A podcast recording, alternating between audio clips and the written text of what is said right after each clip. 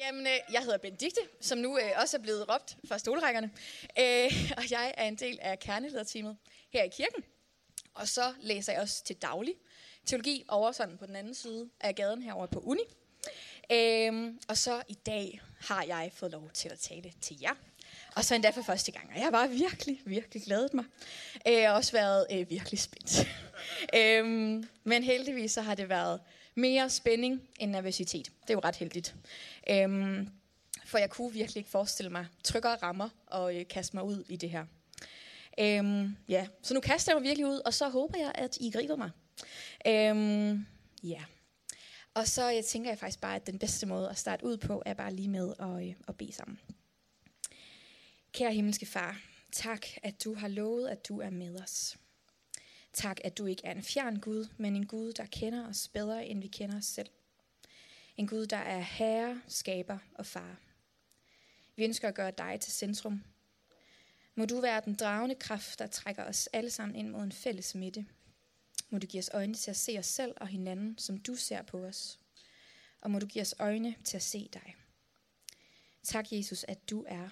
Må dit rige skinne igennem her i vores fællesskab og kirkefamilie. Det bærer vi om i dit hellige og almægtige navn. Amen. Yes, i dag der skal vi simpelthen tale om Guds store familie. Og jeg må bare sige, øh, det er ikke koordineret med øh, barnefamilie. Og den super tjekkede type havde lavet det koordineret.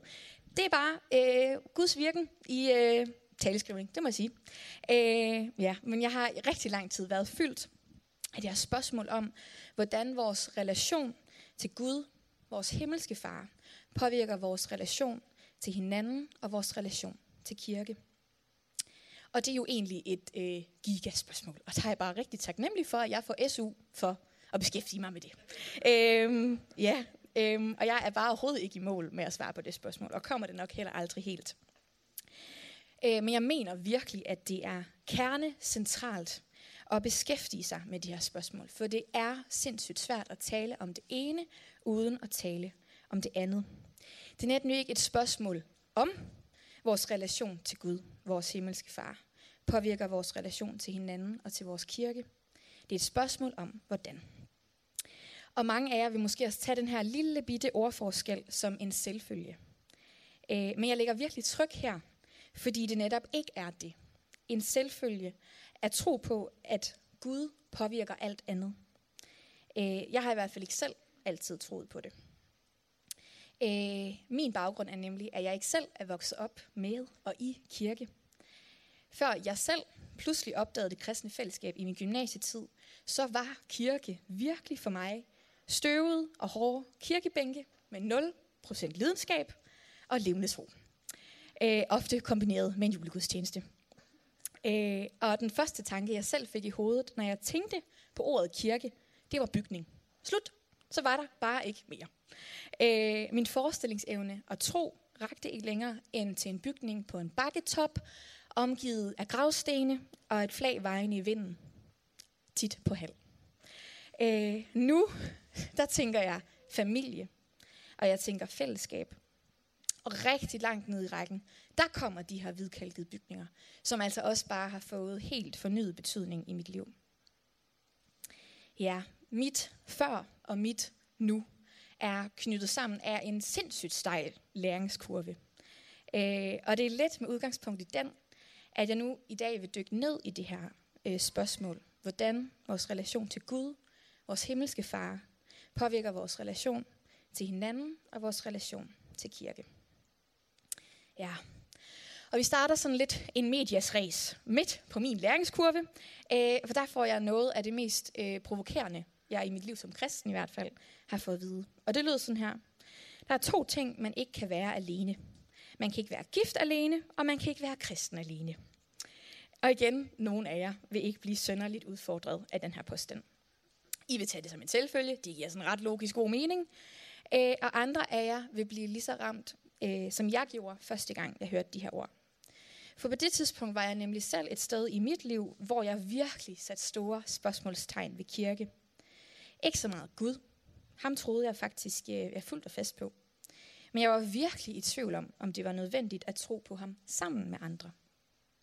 For det synes langt mere komfortabelt at være og sikkert at have min tro som en, øh, en personlig ting, et soloprojekt med Gud, end som noget, jeg skulle gøre i fællesskab med andre. Og jeg husker ikke, at jeg fik den store uddybning på den her påstand, og det er i hvert fald ikke noget, der har bidt sig fast. Men jeg har så brugt de sidste par år på at lære og opdage, og ikke mindst erfare, hvordan det er sandt. Ikke lige så meget ægteskabsdelen. Det er der ligesom andre i forsamlingen, der må uddybe en anden god gang. Men det her med at være kristen, det er ikke et soloprojekt. Og jeg har måske regnet ud, at det er min kerne øh, pointe i dag. Så hiv fat i den, tag den med hjem i lommen. Ja, øh, og forhåbentlig kommer I ikke til at gå herfra, uden at få uddybet den påstand. Ja, så jeg er her øh, for den her påstand at vide, og er vildt udfordret. Øh, for jeg vidste overhovedet ikke, hvor jeg skulle søge hen for at få svar på mine spørgsmål. Og som det oftest er, så finder man ud af, at svaret er foran en, og har været det hele tiden. Og personligt, der fandt jeg svaret i fadervor. Bønden, som Jesus gav sine disciple, da de sagde til ham, Herre, lær os at bede. For selvom jeg ikke er vokset op i kirke, så kan jeg lige love jer for, at fadervor er mejslet ind på ryggraden. Øh, og der kan jeg bare kun takke øh, den grundvianske friskole, jeg gik på i 10 år. Øh, ja, øh, og, men det var først, da jeg begyndte at komme i et kristen fællesskab, at jeg faktisk øh, forstod den her bøn, som jeg havde brugt altså næsten lige knap 11 år på at bede kontinuerligt. For da kirke for mig kun var en murstensbygning, der var fadervor også den rene floskelsbøn. Ikke uden værdi, og det er virkelig vigtigt øh, lige at udtrykke. For jeg er så sikker på, at Gud han har hørt mig. Hver evig eneste gang, jeg foldede mine hænder og bad. Men de foldede hænder var langt mere et udtryk på tradition, end det var et udtryk på tro. Og den Gud, som jeg rettede min bøn til, var for mig egentlig bare en højere kraft i universet. Og det var en Gud, som var langt, langt væk, og som jeg faktisk overhovedet ikke kunne forholde mig til. Jeg vidste herinde, at det var den kristne Gud, jeg bad til. Men jeg havde overhovedet ikke nogen idé sådan i mit hjerte, hvem den kristne Gud var. Ja, fader hvor. Det var en floskel, øh, og bare de indledende ord på en tryg ramse, som jeg havde lært fra da jeg var lille. Og jeg kan roligt sige, at det er den diametrale modsætning af, hvad jeg nu ligger i det ord, fader hvor. Og der er skrevet tykke bøger om de her få ord. Øh, men jeg har prøvet at kode det ned til to punkter. Sådan lidt to erkendelser, som jeg tror, der ligger gemt i de to ord, fader. Og den første, det er, at Gud ikke er en fremmed Gud, han er far. Og det kan jo også godt være, at du sidder og tænker, ah, gemt og gemt. Det er godt nok en dårlig gemmeleg, det der, hvis du ikke kan spotte det i fadervor. Øh, og det kan jeg nok også godt selv tænke nu. Øh, men jeg tror særligt, det gælder for dig, hvis du tænker, det er godt nok altså dårligt gemt. Øh, at så er det måske, fordi du er vokset op med kirke. Det er det største privilegie at vokse op med kirke. Og det gør, at der er så mange gemmeleje, som man ikke bliver nødt til at kæmpe sig igennem. Og der er mange. Øh, hvis man ikke er vokset op med, at Gud er far, jamen så betyder ordene fader, hvor altså faktisk ikke særlig meget. Og det værste er, at jeg selv efterhånden er godt og grundigt kirkemarineret, øh, så jeg selv faktisk er en smule blind øh, og glemmer, at det her ikke er en selvfølge. Og desværre, for hvis noget bliver en selvfølge, så mister det virkelig også meget betydning. Men vi beder virkelig, kære far, og det er en kæmpe deal. Øh, på græsk, i den græske tekst, står der pater. Øh, og det bliver brugt i bønden her, og også i generelt oftest typisk i Nytestamente. Og der bliver altså ikke gjort forskel på, om pater det betyder far, om det refererer til jordiske fædre eller den himmelske far. Og det understreger virkelig bare betydningen af den nære og familiære relation, som vi har til himlens og jordens skaber. Den Gud, der med sine ord har kreeret universet, der overskrider vores forstand, både i størrelse og indhold. Den selv samme, som har kreeret dig og mig som sine børn. Altså når jeg lige tager mig tiden til at stoppe op og fordøje det, lige dvæle ved det, så taber jeg næsten pusten. Og det var virkelig en 180 graders verdensomvæltning, da jeg først kom til den her erkendelse. Og det er også den her erkendelse, der har påvirket den næste. Og den lyder, at Jesus siger ikke, at jeg skal bede til min far, men vores far. Jesus siger, siger, når I beder. Han kalder os ind i en fælles bøn. Og hvis jeg beder til vores far, jamen så må jeg jo naturligvis bede den sammen med andre. Pete Grigg, som er grundlæggeren af den internationale bønsorganisation 24-7 Prayer, taler om fadervor i sin bog How to Pray, a Simple Guide for Normal People, sådan her. When we pray the Lord's Prayer, we do so corporately in community with others, not just personally and spontaneously, but liturgically, hmm, in unison with millions of Christians around the world today, and in fellowship with the communion of saints stretching back to those first 12 apostles gathered around Christ as he gave them this prayer. We are not designed to hallow the Father's name entirely on our own. We need the encouragement, the challenge, and the discomfort of active participation in a local worshiping community. Vi er ikke designet til at ophøje faderens navn helt alene. Vi har brug for opbakningen, udfordringen og ubehaget ved aktiv deltagelse i et lokalt lovprisende fællesskab. Et fællesskab, hvor andre også kalder Gud for far. Og det må jo per definition gøre dem i det fællesskab til vores familie. Og lige netop den her erkendelse har haft øh, betydet så meget i at kunne svare på mine spørgsmål. Da jeg sad der og spurgte, hvorvidt jeg overhovedet behøvede at tro med andre, hvorvidt jeg kunne gøre mit, min tro til et soloprojekt. For det bliver bare helt vildt svært med det her soloprojekt, hvis den bøn, jeg har bedt hele mit liv, faktisk ligger op til at skulle bedes med andre.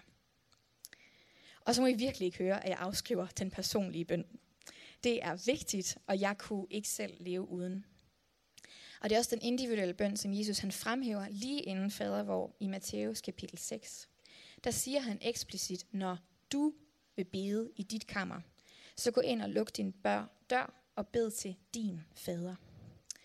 Og normalt, der skriver man slet ikke jeg, du, han, hun, den, det på græsk. Men i originalteksten, der står der altså du.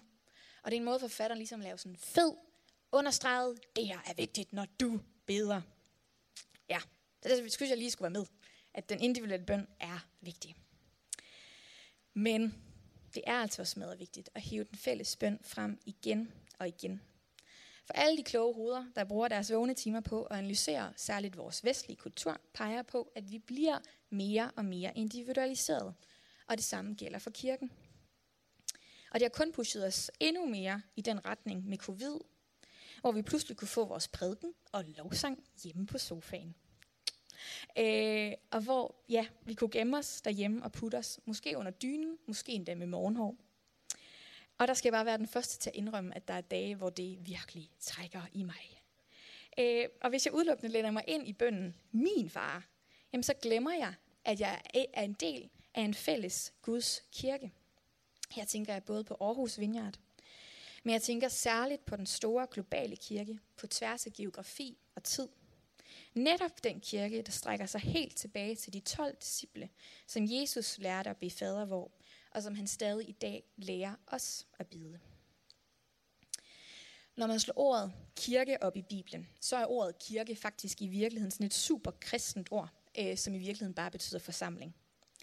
Det græske ord eklesia optræder 114 gange i det nye testamente, og hele 108 gange, i hvert fald i Christian Standard Version, som var den oversættelse, jeg lige kunne finde optegnelser på, der er oversættelsen church. Så når Paulus skriver til menighederne og kirkerne rundt omkring i Mellemøsten, så er det igen vores egen fortolkning, vi ligger ned over. Og måske er jeg den eneste, men jeg kan i hvert fald hurtigt komme til at tillægge dem en betydning, som pludselig får dem til at fremstå super organiseret, super struktureret. De har styr på deres, jeg skal ikke sige shit, men, øh, men det har de. Øh, men her skal trykket bare ligge på, at det er en gruppe af mennesker, øh, som bare var rimelig store fans af Jesus fra Nazareth. Og så tog de så det radikale skridt at kalde ham Kristus. Og det var det, der gjorde dem anderledes fra alle den, i den store gruppe af mennesker ude i deres byer. Og det er den her gruppe, som Jesus kalder os til at blive en del af. Han siger, kom og følg mig. Men det er, ikke, men det er en fælles besked, og ikke udelukkende en individuel. For hver gang han har sagt det til dig, jamen så har han altså også sagt det til din nabo, og din nabos nabo. Hvilket vil sige, at når du tilslutter dig ham, jamen så tilslutter dig en helt hårde af brudte mennesker. For det er det, vi er. Brudte mennesker, der bare længes efter at være sammen med Jesus og lære ham bedre at kende. Et billede, der forekommer hyppigt i Bibelen. Alt lige fra salmerne til evangelierne øh, til Paulus breve er snakken om Guds hus. Det her sted, som er rart og trygt at være, hvor vi har hjemme. Og jeg tror også, de fleste har hørt øh, kirken blive beskrevet som Guds hus. Øh, og nok også særligt det sådan helt konkrete, fysiske kirkerum. Men jeg synes egentlig, at begrebet Guds hus passer langt bedre ned over den bibelske forståelse af kirken som fællesskab. Og jeg vil ligesom prøve at illustrere det for jer. Det fungerer bedst for mig, når jeg forestiller mig øh, Guds hus som et helt konkret hus. Det er rart, det er varmt, det er trygt, og jeg har hjemme der. Og mit soloprojekts søgende jeg har så lyst til, at der skal være solidt med bevægelsesrum og ro omkring mig. Masser af soletid med Gud. Mums. Øh, men jeg tror bare ikke, at Guds hus udelukkende er tiltænkt til det. Hvis Guds hus er kirken, og kirken er fællesskabet, Guds store familie, så tror jeg, det er meget mere præcist at forestille sig et hus propfyldt med mennesker. Men det er sådan et hus med sådan en mærkværdig øh, størrelse, at der altid er plads til en mere. Men der er ikke plads nok til, at vi ikke kommer til at stå skulder ved skulder med hinanden, med alle de andre Guds børn, og der er bare mange. Og det at være i sociale sammenhæng, det kan se forskelligt ud fra person til person. Nogen hælder over i det introverte, nogen er over i det ekstroverte. Og jeg selv er nok et sted midt imellem. Så der er dele af mig, som virkelig kan blive betrykket over, at jeg ikke er alene. Og så er der en anden del, som bare tænker, Åh! altså får en sådan klaustrofobisk følelse ved tanken. Og begge dele er super reelt. Derfor er jeg virkelig også fan af, hvordan at Pete Greg beskriver fællesskabet om Gud, det at være i Guds store familie, som både opbakning, udfordring og ubehag. Og det vil jeg vildt gerne dykke ned i. Men inden jeg gør det, så tror jeg, at det er rigtig vigtigt lige at dvæle ved det her med, at vi kalder Guds store fællesskab for familie. For det med at være familie, sådan helt jordiske familier, er nemlig ikke nødvendigvis altid noget positivt for alle. Vi vil være flere her i dag, som måske i stor grad, måske i lille, har oplevelser med i bagagen, som gør, at vi faktisk rykker lidt på stolen, når det her ord familie bliver bragt op. Og hvis de oplevelser har skabt dybe nok sorg, jamen så kan det også være tanken om, at kirke skulle være familie. Faktisk for at tænke, jamen så skal jeg slet ikke være en del af kirken. Og her er det bare så vigtigt for mig at adskille den jordiske familie fra den, vi sidder i i dag. En ting er størrelsesforskellen. En anden er også, at den jordiske familie fungerer i kraft af sig selv, og vi fungerer udelukkende i kraft af Gud. Jesus beskrev, hvordan at vi er kropsdele på den krop, der hedder Kristus. Og grene på det træ, der også er ham. En smule funky billeder, men essensen er, at det er Kristus, der giver os liv. Det er Kristus, der forener os. Og vi vil, adskilt fra ham, ikke være noget fællesskab eller familie. Vi vil være afhugget lemmer og grene, der hverken evnede at vokse eller gro. Og det bliver vi nødt til hele tiden at minde os selv om. For vi er ikke en familie, der fungerer i kraft af os selv. Og vi er heller ikke en familie, hvor vi risikerer at blive overladt til os selv af vores far. Sådan fungerer det bare ikke her. Men vi er alligevel en familie bestående af mennesker. Helt utrolig mange mennesker, som ikke øh, selv har valgt at være en del af familien. Ligesom det er i vores jordiske. Vi er en broget flok, der hver især slæber vores uge med os, når vi mødes her om søndagen, når vi mødes ude i vores netværksgrupper i løbet af ugen. Og det kan vi jo ligesom ikke andet end at bære præg af. Vi vil komme til at jokke hinanden over tæerne, og det vil komme til at gøre ondt, øh, hvor vi faktisk måske ønskede at gøre godt. Det er en menneskelig præmis, som selvfølgelig også er en præmis her. Selv i Guds kirke jokker vi hinanden over tæerne. Vi vælter ind hinanden, og måske særligt fordi, at det er en smule ekstra sårbart. Lige netop her, så får vi også større blå mærker. Øhm. Og man skal slet heller ikke bladre mange sider i en kirkestøjbog, for at blive klar over, at vi i kirken virkelig kan komme til at gøre hinanden ondt. Og jeg tror ikke, man skal spørge meget ud i det her fællesskab, for at høre historier om, hvordan mennesker har gjort ondt i kirkens navn. Men selvom vi går rundt med de her blå mærker, og også kommer til at få så mange flere, så kommer vi bare ikke uden om, at vi er i kirkefamilie. For vi har den samme far i himlen. Og det kan jeg nogle gange, ja. Tab pusten over, hvor vildt det er. Og jeg er fuld af så stor taknemmelighed for, at netop I er min lokale familie. Og måske, når I kigger herop, har I ikke den samme mavefornemmelse. Og det må jeg sige, surt show. Øh, for jeg er en del af din familie, og I er en del af min. Og det er bare ikke til at slippe udenom. Uanset om du er her for første gang, og aldrig har mødt de mennesker, der sidder omkring dig, eller om du sådan er typen, der render rundt og krammer alle ude i kaffepausen, jamen så er du en del af familien. Udelukkende i kraft af Jesus. Udelukkende i kraft af, at vi har den samme Gud i himlen, som vores himmelske far. Ja. Og det er klart, at vi i praksis ikke kan komme under huden på alle.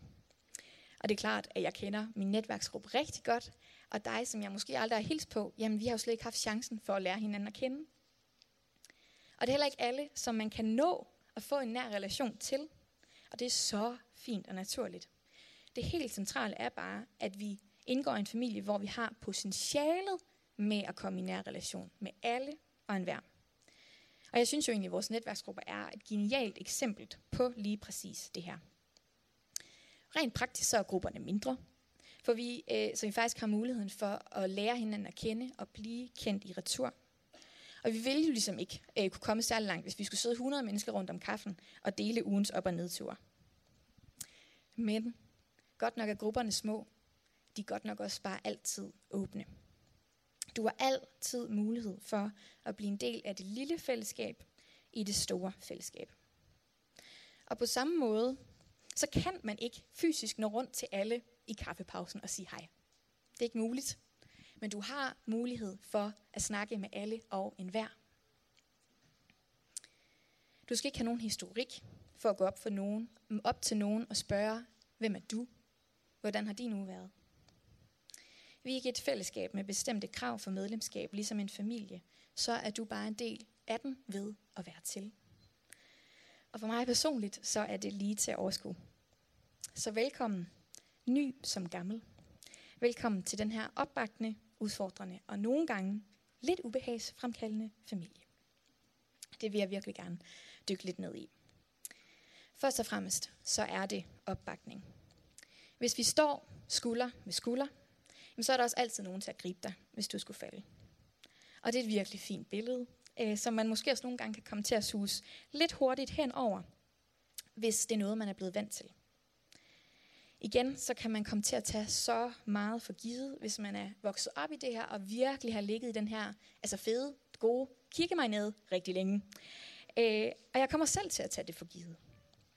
Øh, hvis jeg ikke selv minder mig om, at jeg var rystet i min grundvold, da jeg første gang oplevede, hvad kirke er, når det pludselig er fællesskab og familie. Jeg troede, at jeg havde været en del af gode fællesskaber, før jeg startede i kirke. Og det har jeg også. Men de blegnede bare i sammenligning. Da jeg første gang mødte mennesker, der uden forbehold virkelig ønskede at møde mig. Jeg husker så tydeligt, hvordan mit lille gymnasie-jeg var så forundret over, at voksne mennesker med voksenjobs og børn øh, havde lyst til at invitere mig ind i deres hjem, og vi havde vidderligt ingen anden fællesnævner, end at vi kom i kirke sammen. Og de stillede sig til rådighed for mig. Da jeg gik igennem en virkelig svær psykisk tid i min gymnasietid, der var der både en, der stillede gratis psykologsamtaler ude på gåtur til rådighed for mig. En anden, der åbnede sit hjem og blev min mentor. Tredje og fjerde, der var økonomisk støtte for mig, da jeg fik en crazy idé om at ville tage på højskole for at lære Gud bedre at kende. Jeg havde så bare ikke lige en klink på lommen. Øh, men de så, at det var vigtigt, og de hjalp mig igennem det. Helt uden forbehold. Og det er så senere gået op for mig, hvor mange, der har bedt for mig. For første gang, jeg trådte ind af de kirkedøre, til jeg tog mod Aarhus. De gjorde det uden forbehold. Og det er, hvad kirke er, og det er, hvad kirke kan. Det er stedet, hvor vi står skulder ved skulder, og det er det vildeste. Så vildt, at vi faktisk slet ikke fatter det, hvis, vi ikke, hvis det bliver en selvfølge. Og det er derfor, vi minder os om det igen og igen. Ja, så er det også udfordrende. Fordi når vi er i fællesskab om Gud, så er vi tvunget os til at forholde os til alle andre også. Der er ingen vej udenom. Hvis man gerne vil være en del af et fællesskab, jamen så kræver det, at man lader sig blive kendt og kender andre. Og ellers så bliver man bare en flue på væggen i fællesskabet. Og jeg tror virkelig, det var det Gud, han havde i tankerne, da han skabte sin kirke. Men det er udfordrende. At lade sig blive kendt kan for mig nogle gange føles lidt som at træde ud over en kant, hvor jeg har ingen anelse om, hvad der gemmer sig på bunden. Og det kan være vildt grænseoverskridende. Og jeg skal i hvert fald virkelig øve mig, da jeg begyndte i en netværksgruppe i Aarhus Vineyard, for ikke at kun at dele min uge. Min gruppe havde super godt kendskab til min ugekalender. De kendte bare ikke mig særlig godt. Øhm, og det er bare sådan en lille smule problematisk.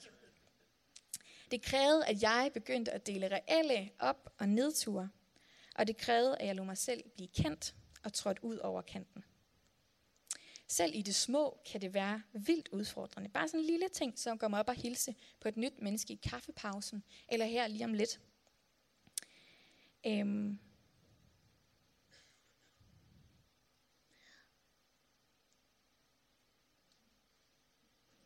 Det er ligesom en stor bagdyst, hvor de siger, at man har øvet sig derhjemme, og så går det bare ikke så godt i udførelsen. Øh. Nej. Nej, men den anden side udfordring, jeg er der nu, øh, er altså også at kende andre. Jeg har mit punkt. Øh, jeg ved ikke, om I selv har stået i den situation, hvor et andet menneske har delt noget af sit liv, og det er vildt hårdt. Og du vil vildt gerne hjælpe, men måske så ligger det uden for din rækkevidde. Måske er hjælpen også inden for din rækkevidde, men du magter bare ikke opgaven. Og der er altså en grund til at tale om det her som en udfordring, og ikke øh, en umulighed. For vi har Gud med i det. Hvis vi stod alene med hinandens liv i hænderne, jamen så kunne vi ikke bære noget som helst. Så var det umuligt. Men det er ikke tilfældet, for vi er borget af Gud. Og det bliver så konkret, som noget kan blive, når vi lægger vores sorger og glæder over til ham i bønden. Både vores egne og andres. Det er hele pointen med forbøn. Men det gør det ikke til en mindre udfordring. Det kan føles som en kæmpe barriere at bryde igennem og skulle tage skridtene over til forbøn. Eller for den til skyld prikke sidemanden på skulderen og spørge, vil du ikke bede for mig? Men det er det, vi kan her.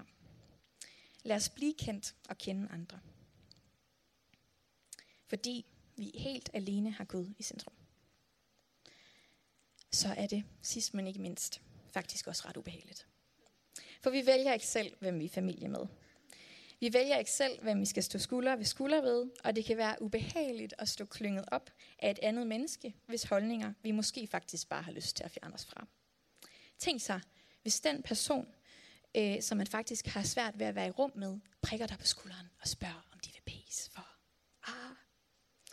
Øh, og personligt har jeg ikke haft den her oplevelse på, på nært hold, men jeg skal bare ikke dykke langt ned i det store internet for at møde holdninger, som også er væsentligt mere spredt ud, end det nødvendigvis er i vores lille fællesskab her. Men hvor jeg virkelig skal dybe mig, for ikke at gribe til tasterne, og med meget store bogstaver forklare den og den og den, hvordan at de er helt galt afmarcheret. Der er specifikt en amerikansk forkynder, jeg siger ikke, hvem han er, øh, som jeg følger på Instagram. Og hver gang han skriver noget om Gud, jamen så er min redaktion, halleluja, smid et kæmpe like. Men når han laver opslag om alt andet, jamen så fyldes jeg med reelt fysisk ubehag over at dele Klub Kristen-boksen med ham. Og jeg får lyst til at skrive vrede kommentarer. Jeg får lyst til at stoppe med at følge ham. Jeg får i hvert fald også lyst til at skrive til ham, at jeg stopper med at følge ham. Øh, ligesom skabe den her distance mellem os. Men det gør jeg ikke. Jeg holder mig til demonstrativt. Lad være med at like hans opslag. Vil gødt oprør. Øh, fordi trods det her ubehag, så er det bare virkelig godt at blive konfronteret med, at vi ikke behøver at være enige for at være i enhed. Det er det sidstnævnte, Jesus kalder os til. Enhed, ikke enighed. Og hvis ham her Gutenberg, han nu valsede ind ad dørene lige om lidt, og satte sig ved siden af mig under lovsang, jamen så vil jeg have lyst til at rykke et par stolerækker væk. Men jeg håber virkelig, at jeg vil blive siddende. Og måske endda spørge, om han ikke havde lyst til at bede for mig. For Jesus kalder os til at være en i ham. Han kalder os til at være familie. Og måske har det også spillet ind, da han gav den her bøn, fader vor, til sine disciple. Han vidste, at han havde med en flok at gøre, der virkelig havde brug for at blive mindet om, hver gang de skulle bede bønnen, at de også bad den sammen med andre. Andre, som også bad til deres far. Netop fordi de havde det til fælles. Og det var om nogen en polariseret flok. Og på samme måde, så tror jeg virkelig, at vi har brug for at blive mindet om, at vi er en del af en stor global kirke og en lokal en. En stor global familie og en lokal familie. Selvom vi har stilletid med Gud og virkelig ikke skal stoppe med at søge ham på egen hånd, jamen så må og kan det med at gå med Gud ikke blive til et soloprojekt. Vi er på rejse sammen, simpelthen fordi vi ikke kan selv. Det vidste Jesus, da han gav os fader vor. Og det bliver en evig påmindelse til os. Så selvom det kan være udfordrende og ubehageligt, ikke at være alene omkring det, så det er altså også det, der bygger os op.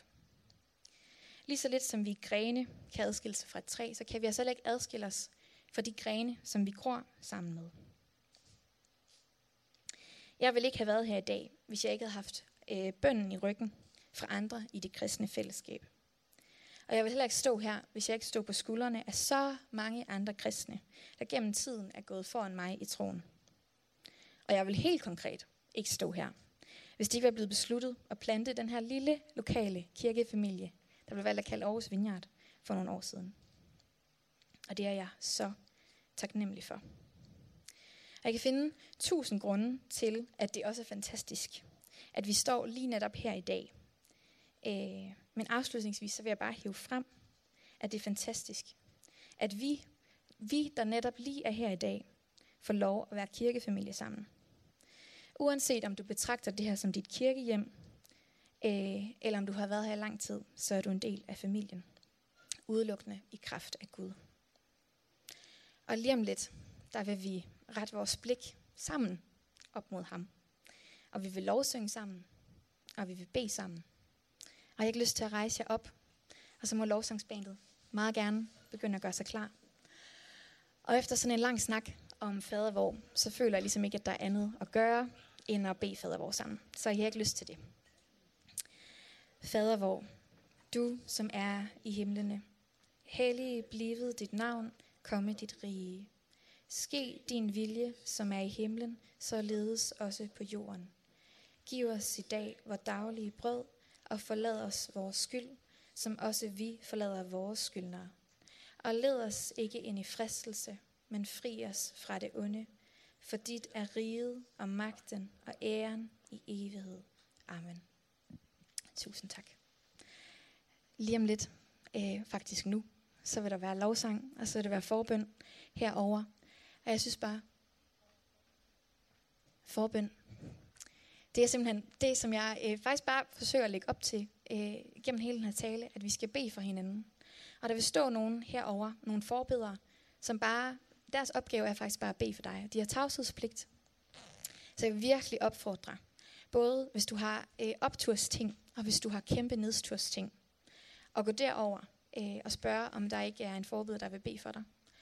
Øh, og ellers så vil jeg virkelig også opfordre dig til at have mod til måske at prikke din sidemand på skulderen. For det er kirkefamilie, vi er samlet omkring. Virkelig også selvom du er her for første gang. Prik på skulderen, det må man altid gøre.